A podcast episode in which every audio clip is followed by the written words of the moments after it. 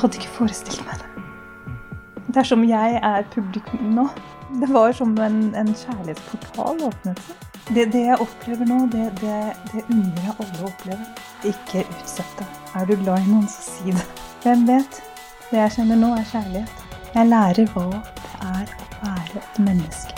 Her er Stavrum og Eikeland, en podkast fra Nettavisen. Velkommen til Stavrum og Eikeland. I dag skal vi snakke med Shabana Rehman. For et halvår siden sto du på scenen på Nettavisens jubileumsfest.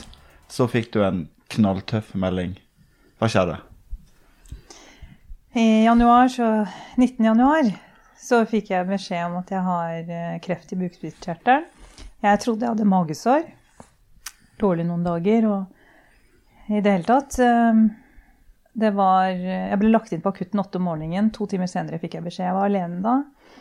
Eh, og det var ganske direkte. De holdt ikke noe tilbake, liksom. Det er kreft med spredning, og du har ikke mye tid igjen. Men hvordan er livet ditt akkurat nå? Eh, de tre siste månedene har jo jeg vært eh, inn og ut av sykehus, vært med mine nærmeste. Og egentlig selv prøvd å prosessere beskjeden. Uh, og forrige uke så ble jeg følte jeg meg klar for å dele det med flere. Uh, da jeg skjønte at det også nærmer seg slutten av behandlingen Norge kan tilby meg. Og da skjedde det noe veldig, veldig fint. Det var som en, en kjærlighetsportal åpnet seg. Og akkurat nå og mye derfor har jeg det veldig bra akkurat nå. Jeg, jeg har det. Jeg kan, det kan jeg si. Du er jo en av de tøffeste damene jeg vet om. Du har stått i ekstreme stormer med rak rygg og med tilsynelatende godt humør. Eh, hvordan klarer du å ha godt humør i disse dager? det er Man er helt nødt til det. Altså et helt liv med, med mye svart humor eh, hjelper på galgenhumoren. Man er helt nødt til å ha en sånn situasjon. Eh, jeg har trening på det, så det kommer. Eh, det er klart har, Vi er alle kjempesårbare. Særlig i en sånn situasjon. Det må ikke skjules. Det er en veldig sårbarhet eh, å møte sånt eh, en sånn eh, realitet da, rett i ansiktet. Det får jo Det snur jo opp ned på alt. Det gjør det. Men man må ta en dag av gangen. Det er, det, det er ikke noe annet alternativ.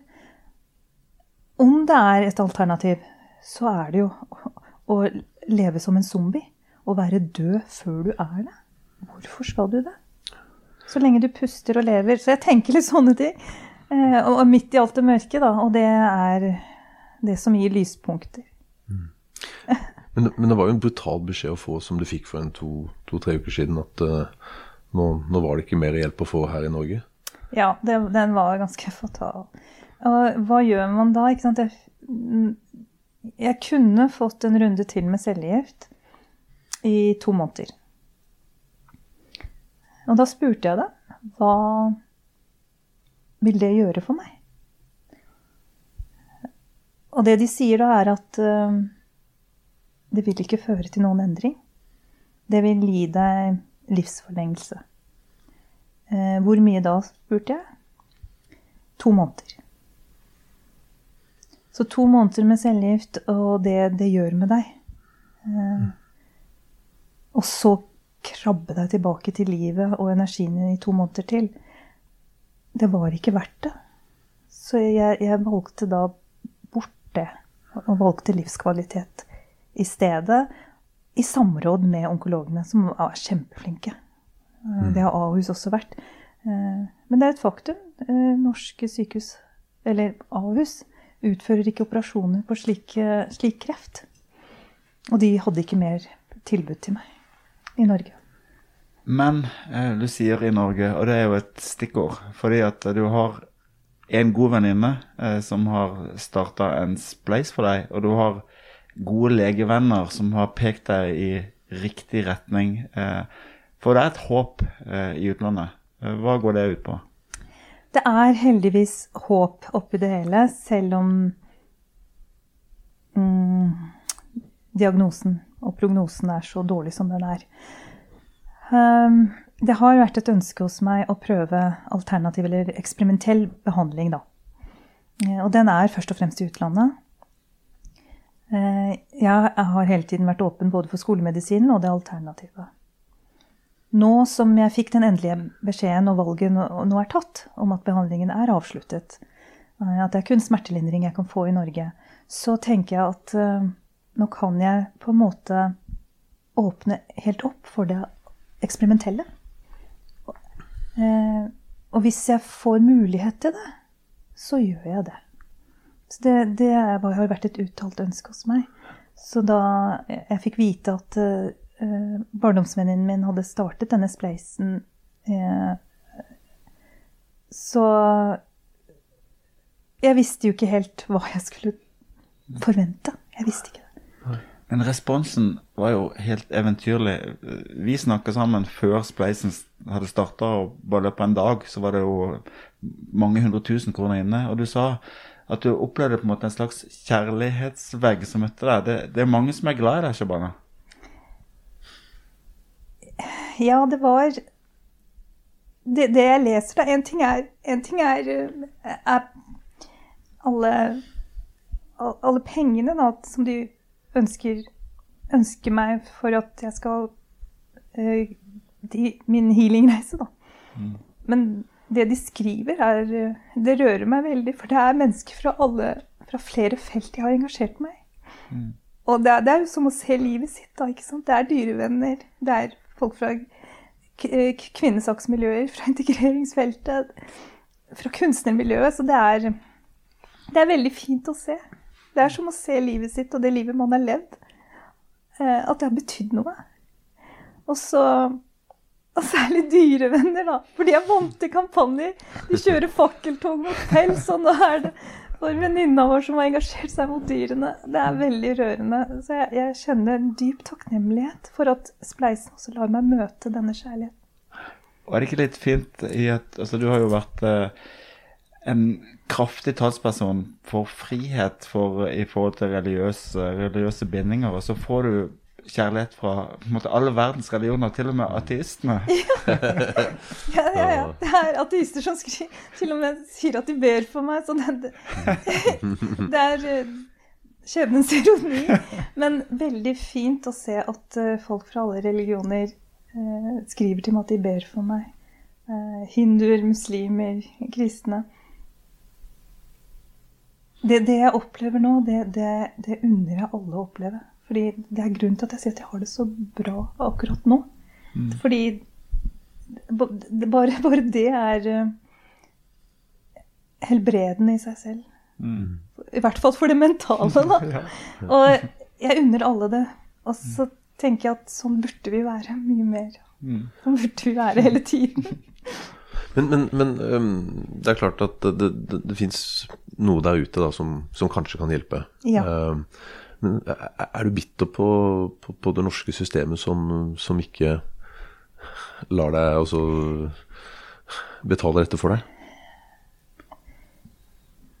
Jeg har ikke rukket å, å, å kjenne på det. Eh, Jeg registrerer jo at eh, de har ikke mer å tilby. Og jeg registrerer også at ting eh, utenlandske klinikker spør etter, eh, sitter langt inne for norske sykehus å utlevere eller eh, undersøkelser å gjennomføre som jeg kunne fått her. Som jeg ikke trengte å betale dyrt for å ta på privatklinikker i Norge for å sende ut. ikke sant? Eh, Det forstår jeg ikke. Jeg forstår ikke det på det stadiet er at de kan i hvert fall i det minste gjøre det. For det, eh, det tenker jeg at de kunne ha gjort. Samtidig så Jeg er blitt godt ivaretatt. Det det norske helsevesen kan, det kan de veldig godt. Det følger de opp kjempegodt. Og så kan de ikke mer, enten fordi nyeste forskning ikke er blitt implementert, ikke sant? Det ikke er kommet dit. eh, eller at det rett og slett er, er eh, forskjellige praksiser, holdt jeg på å si. Men eh, når det da stopper, så sier de også tydelig fra. Hit, men ikke lenger, kan vi føle det. Det er jo, det er jo Det er tøft, og man tenker jo det er mer som kunne vært gjort. Ja. Det er jo, det er jo jeg synes det er interessant det du har fortalt tidligere, at uh, altså, det er jo all verdens private tilbydere av all verdens behandlingsmetoder. Men du, du, har fått hjelp av norske leger som har satt seg inn i, i de ulike eksperimentative behandlingene, og i hvert fall pekt deg i, i riktige retninger, da? Helt riktig. Eh, gode, seriøse klinikker i, eh, i Tyskland, bl.a., som vi, familien min ser på. Mm. Eh, og som også eh, virker veldig interessant. Eh, det som også skjedde etter at det ble offentlig at jeg var syk, og etter at spleisen begynte, er at vi har ganske mange som har vært rammet av kreft, eller pårørende i dette landet her.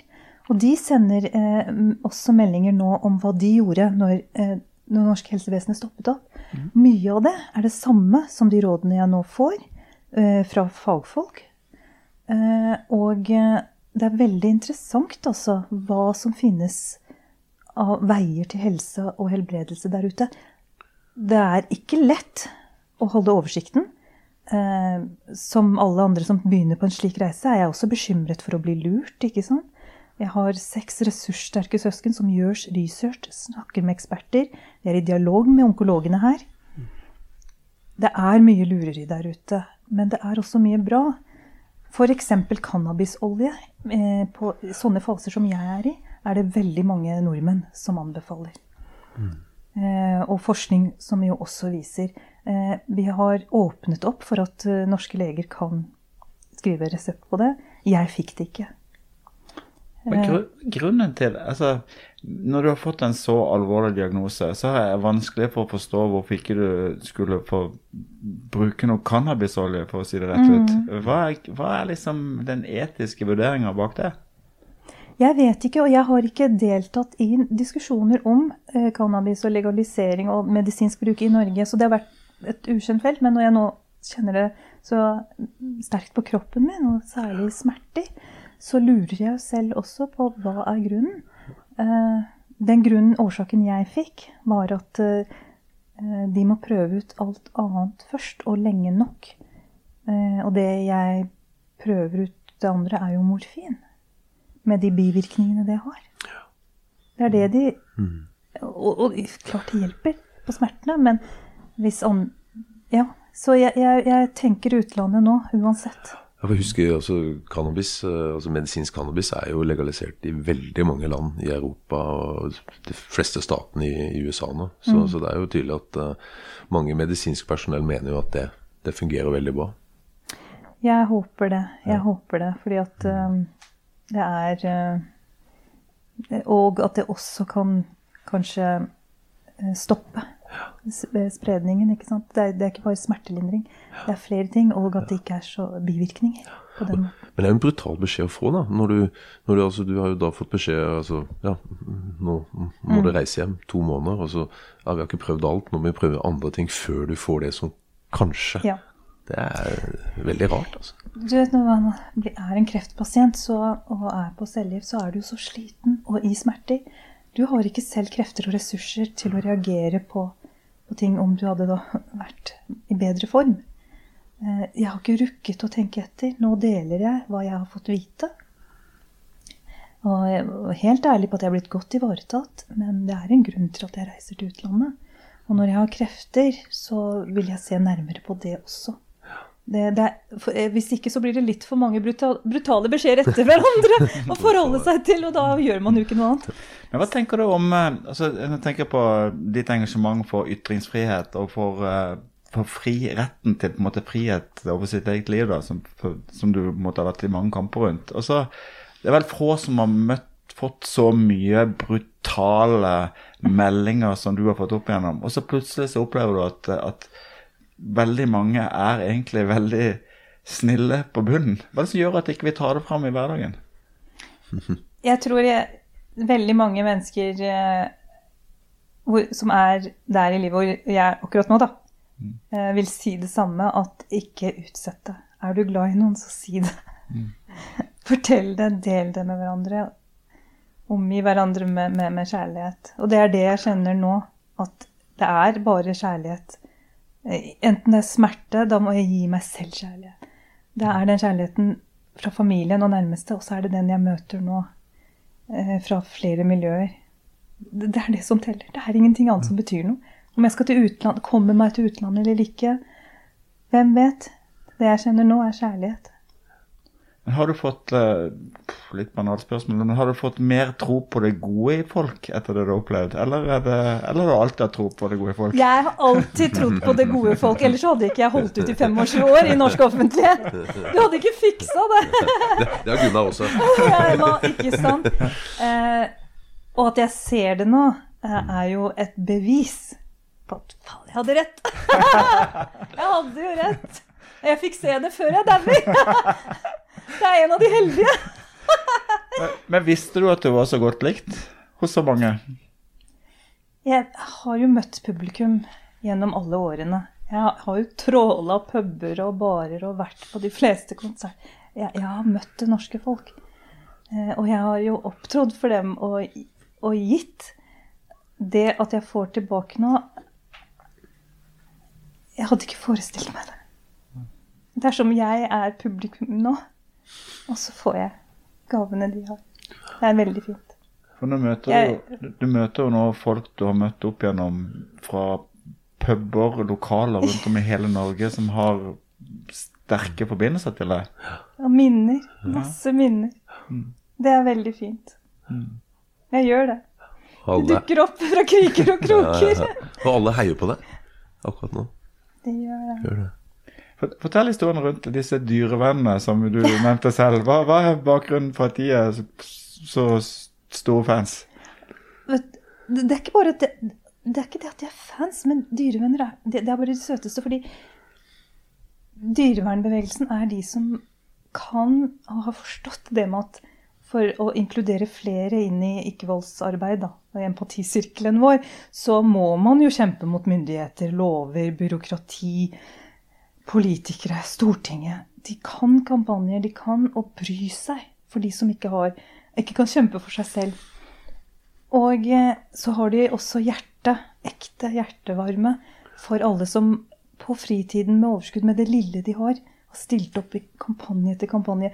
Redd den bikkja, eller eh, lag dette kattehuset, eller fakkeltog mot pels, eller få dyrepoliti i Norge. ikke sant? Og hente dette engasjementet, den medfølelsen. Eh, Og jeg har stått der, vi har jo stått der sammen i år etter år, og, og det er det de viser meg nå. Vi er jo dyr, vi òg. Det, det pleier dyrevernet å glemme noen ganger. Men, men ja. Har du lært noe eh, om deg selv i den situasjonen du har vært i nå? Hele tiden. Man transformeres hele tiden. Jeg lærer hva det er å være et menneske. Og vi er jo ikke det vi har trodd eller lært opp til. Sånne situasjoner, det knar oss. Elter oss. Åh, velter oss. Ikke bare smerten, men eh,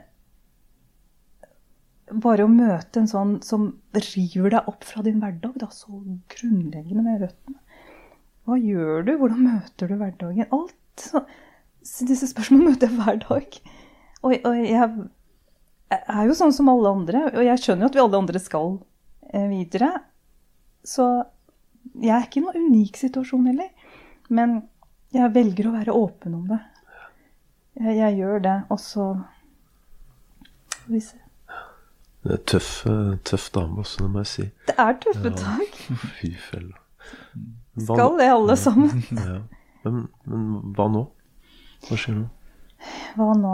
Jeg ville gjerne stille opp i denne podkasten også for å, for å takke. Jeg vil si at jeg, det betyr veldig mye, det jeg møter fra alle menneskene. Og eh, jeg har håpet. Jeg kommer ikke til å gi opp. Jeg Så frem til jeg har krefter, så reiser jeg. Og eh, venner, støttespillere, det norske folk gir meg en mulighet til å reise nå. Og så, om ikke annet, så vet jeg at veldig mange mennesker ønsker å, å finne et svar på denne sykdommen. Når ting stopper opp i Norge, hva skjer der ute? Jeg kommer til å være åpen om det. Det er det som skjer nå. I dag fikk jeg vite at 50% av spleisen er eh, dekket. Det på fem dager. Så nå ser jeg for meg at det er en mulighet for at jeg reiser. Så da gjør jeg det. Tar med meg heiagjengens velsignelser. Og så håper jeg på å bringe gode nye nyheter tilbake til Norge.